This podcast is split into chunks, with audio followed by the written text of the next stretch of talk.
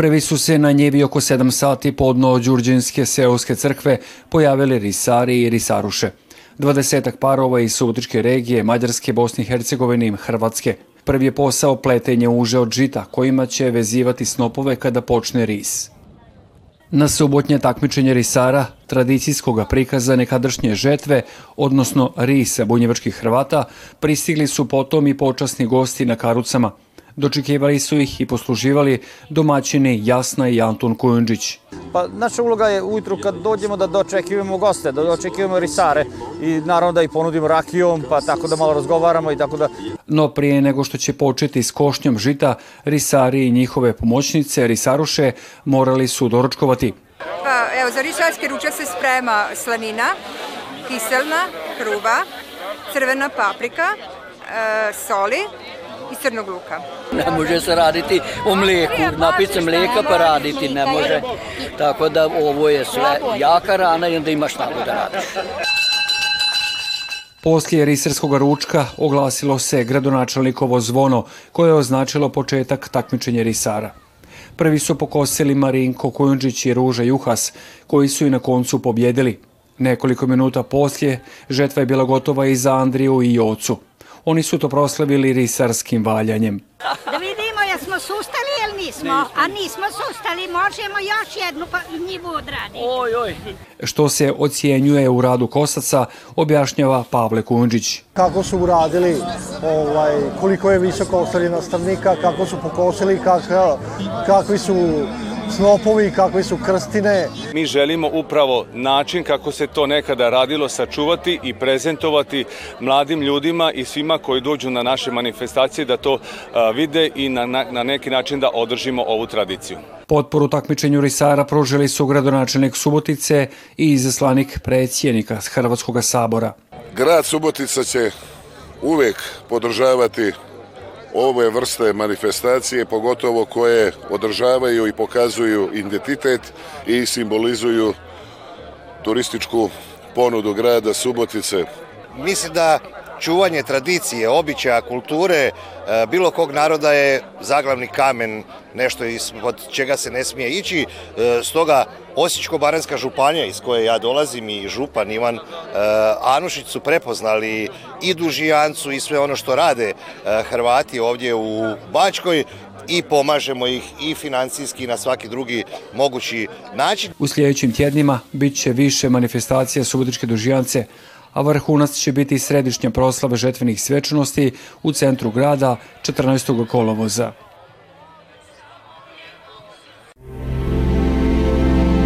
Gledate paletu. Izbor iz emisija na jezicima nacionalnih zajednica.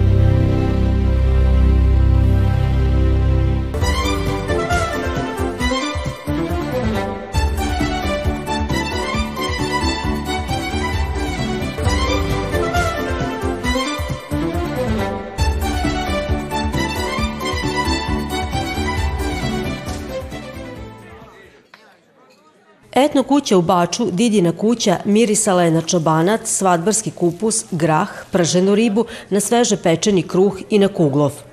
To je samo dio tradicionalnih specialiteta Bačke i Slavonije koji su pripremali sudionici manifestacije Miris Bakinog kuhara koju je organizirala udruga građana Tragovi šokaca iz Bača. Oku Slavonije ili bolje reći čobanca u Bače donijela šokačka grana iz Osijeka. E pa nekada se radilo da se skupilo meso što su čobani imali kad su išli čuvati krave i svinje i neko nešta, naložili vatru, bacili u, u kotlić vode malo koji je imao povrća kakvog dodao unutra da se to sve kuha, naložili dobru vatru, ostavili i nek se to 3-4 sata kuha. Kad su se vratili, čobanac je bio fin. A među mirisima bakinog kuhara bio i svadbarski kupus, tradicionalno jelo Slovaka u Selenči. Nekada se u svatovima u Selenči ovaj subotu za ručak kuvo svinski papajkaš. A onda svaka porodica koja je dolazila u svatove je donosila kokošku. E, od te kokoške se za večeru kuvala supa, onda se kuvano kokošje meso sa renom posluživalo, a bubci ili želuci i nogice su ostajale i onda se od toga kuvao kupus. A sutra dan u nedelju za ručak se onda višak tog paprikaša i to kupusa pomešao, prokuvalo i bio je kupus, što kaže, prste da poližeš. Podunavlje je uvijek bilo bogato ribom, pa je kuhana ili pržena riba uvijek bila na trpezi. Za manifestaciju u Baču sudionici iz Vajske pržili su bijelu ribu. Mi to tako radimo što isečemo tu ribu na kriške i onda se uvalja u brašno, a u brašno se stavlja ljuta paprika ili slatka. Pošto mi mađari više volimo ljuto, onda stavljamo ljutu papriku. A može se i stavljati ili u kukuruzno brašno ili u obično brašno. To je stvar od područja zavisi. I na kraju slatko. Ovoga puta izdvojili smo kuglov. To je ovaj tradicionalni kolač podunavskih švaba. Nastao je negde, ne zna se tačno gde, ali pretpostavlja se da je u Elzasu. I donele su ga podunavske švabe naseljavajući se u Vojvodinu počeo od 1716. godine. On je bio na neki način malo skrajnut, da tako kažem, ali mi smo ga revitalizovali 2002. godine otkad organizujemo festival Kuglofa. I moglo bi se i dalje nabrajati slana i slatka jela. Bez obzira sa kog su područja, zajedničko im je jedno, neodoljivi okus. I to što su ipak sačuvana i do danas. Gledate paletu. Izbor iz emisija na jezicima nacionalnih zajednica.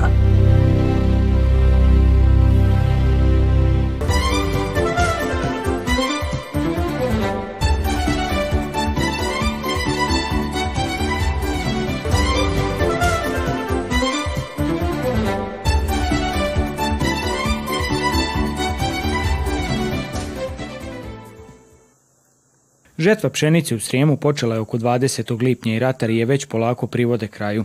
Prošle su se godine obarali rekordi na poljima, no ove godine je nedostatak padalina u svibnju i lipnju koji je bio praćen visokim temperaturama negativno utjecao na proizvodnju pšenice, navode stručnjaci i dodaju. Imajući u vidu sve to, opet da kažem, možemo biti zadovoljni i ovogodišnjom proizvodnjom pšenice, pogotovo ako imamo u vidu e, stanje jarih useva kod kojih se suša značajnije e, osetila na razvoj ovih biljaka. Na području opština Ruma i Riginđija ostvaren je prosečan prinos pšenice oko 6,5 tona po hektaru. Međutim, raspon prinosa je izuzetno velik jer prinosi su se kretali u rasponu od 3,5 tone po hektaru pa do čak 9 tona po hektaru. Ono što je odlučivalo taj veliki raspon i visinu ili smanjenje prinosa, to je bilo najviše raspored padavina, jer bukvalno jedan deo atara i jedna kiša je odlučivala o manjem ili većem prinosu, odlučivalo je kvalitet zemljišta, primjenjena agrotehnika, a na pojedinim parcelama pojava virusnih oboljenja je odnela značajan deo prinosa. Nešto niži hektolitar je bio u odnosu na prošlu godinu, redko koja pšenica je prelazila 80 hektolitarske težine, a što se tiče vlažnosti zrna, proizvođači su spram dozrevanja pšenice i vršili njenu kosidbu i nije bilo nekih većih problema. Imali smo sreću sa većinom bolesti, smo imali sreću gde nije bio jači napad ovih bolesti lista i bolesti klasa, nije bilo nekog napada glodara izraženijog kao ranije godina, međutim na pojedinim parcelama su se pojavile virusna oboljenja koja su odnela značajan deo prinosa. I stručnjaci i ratari tvrde kako je ovo jedna od najčudnijih žetvi pšenice. Situacija na globalnoj razini je potpuno nepredvidiva i bez presedana u novijoj povijesti. Rat u Ukrajini i prirodne nepogode kao i nezabelježeni rast troškova proizvodnje, a pritom je cijena pšenice i dalje nepoznata.